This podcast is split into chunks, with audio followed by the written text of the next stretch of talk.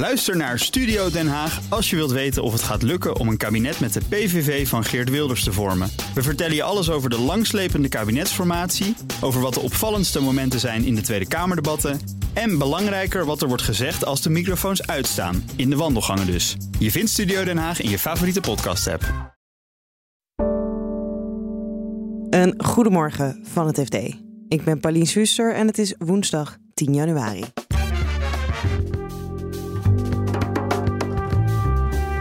Het zat de bioscopen dit jaar mee. Het zomerweer was matig en natuurlijk Barbenheimer.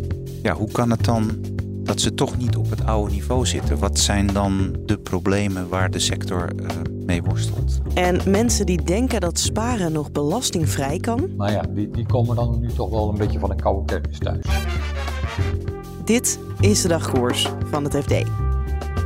Dankzij blockbusters als Barbie en Oppenheimer zijn we in 2023 een stuk vaker naar de bioscoop gegaan. Maar zo goed als voor corona is het nog niet.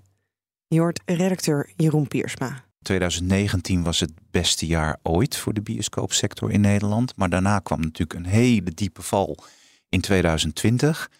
In 2021 was het zelfs nog iets slechter, omdat eh, de bioscopen toen gewoon nog langer uh, dicht geweest zijn en allerlei beperkende maatregelen golden. En toen in 22 is het voor het eerst wel hersteld. Fors hersteld. Ik, uit mijn hoofd zeg ik 75% meer uh, kaartjes verkocht. Maar ja, dat was ten opzichte van bijna helemaal niets. En het was nog steeds ver onder het niveau van voor de pandemie. Nou, het afgelopen jaar was natuurlijk weer een normaal jaar in de zin van dat het gewoon het hele jaar de bioscopen open mochten zijn.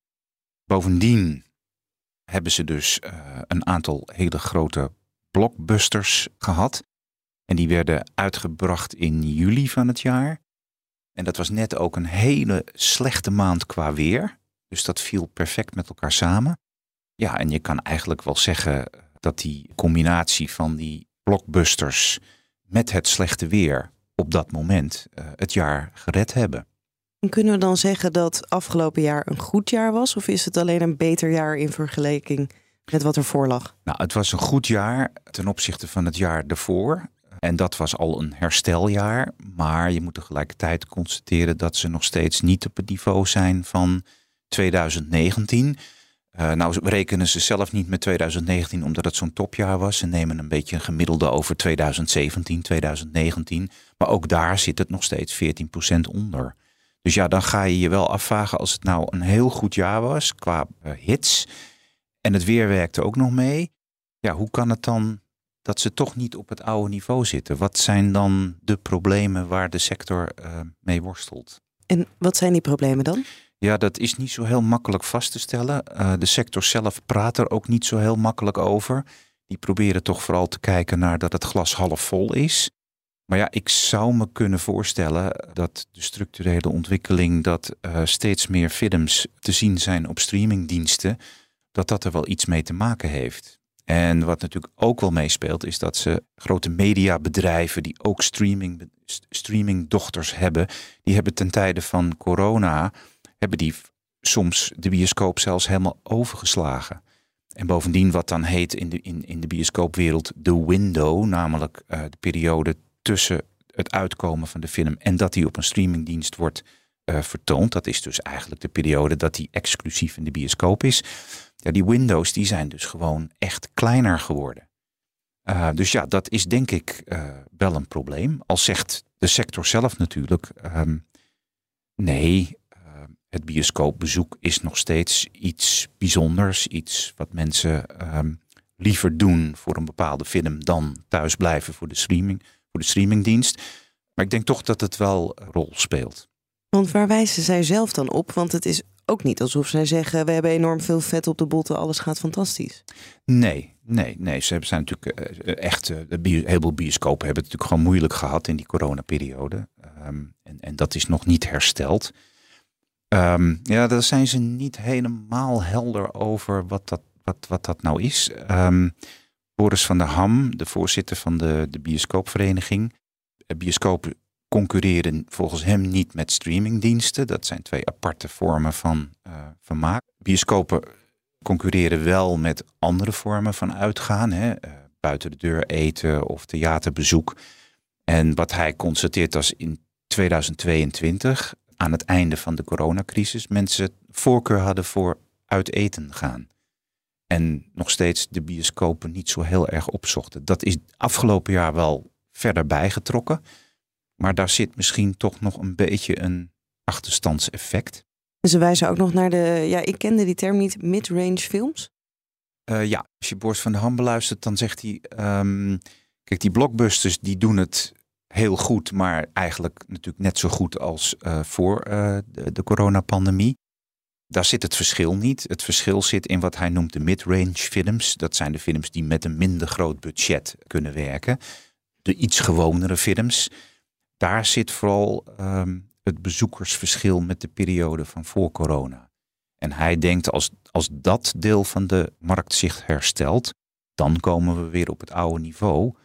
Maar ja, dan zegt hij er ook weer bij dat hij daar waarschijnlijk toch nog wel, dat, dat de bioscoopsector er nog wel een jaar of vijf over gaat doen. Dus of het ooit weer helemaal goed komt, daar heb ik zelf wel enige twijfels over. Kijk, er blijft een bioscoopsector. Uh, en er zullen een heleboel uh, bioscopen zijn die prima kunnen bestaan. Maar zo mooi als dat het voor de coronacrisis was, weet ik niet of, het zo, of dat weer terugkomt. De belasting op je spaargeld is flink omhoog gegaan vergeleken met de voorlopige aanslag van de Belastingdienst. Onze box 3-expert Laurens Berendsen legt uit dat we die vervelende verrassing te danken hebben aan de stijgende spaarrente. Voorafgaand aan 2023 werd er nog vanuit gegaan dat je op spaargeld een rendement zou halen van 0,36% Dus ja, dat is relatief weinig. Uit de jongste berekeningen blijkt dat dat rendement uitkomt op bijna 1% 0,92% om precies te zijn.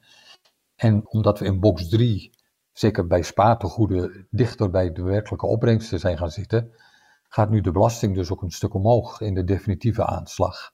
Vergeleken bij de voorlopige aanslag die mensen hebben gekregen. En wat voor verschil hebben we het dan over in geld? Kan je daar een voorbeeld van geven? Ja, nou ja, kijk, als, stel dat je vijf ton spaargeld hebt, uh, dan is het uh, ruw gezegd, nou ja, zou je dan in je voorlopige aanslag ongeveer 500 euro belasting hebben moeten betalen. En in de definitieve aanslag komt dat dan uh, uit op zo'n 1500 euro belasting.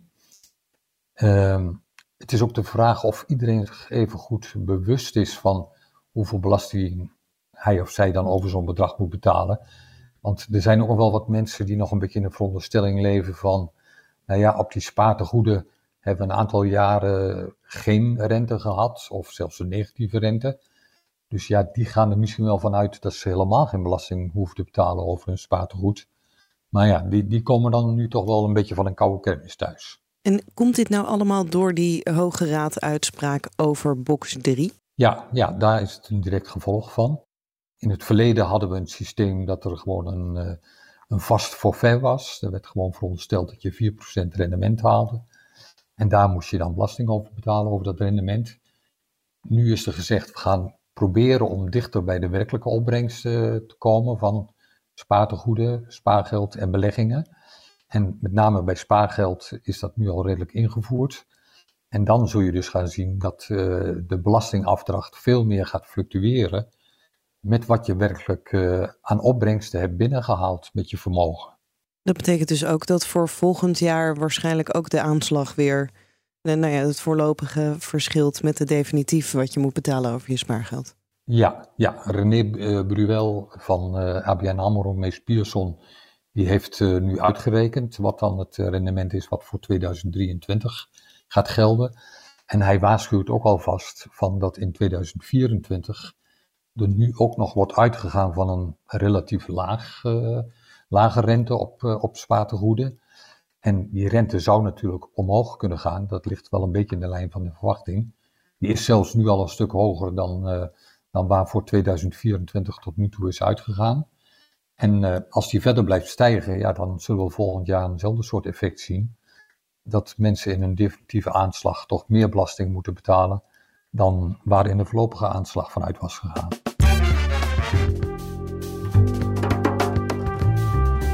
Dit was de dagkoers van het FD. Wil je onze verhalen niet alleen luisteren, maar ook lezen? Probeer dan het FD vier weken voor slechts 1 euro. Ga naar fd.nl/slash dagkoers en meld je aan. Morgenochtend is er weer een nieuwe dagkoers. Voor nu een hele fijne dag en graag tot morgen.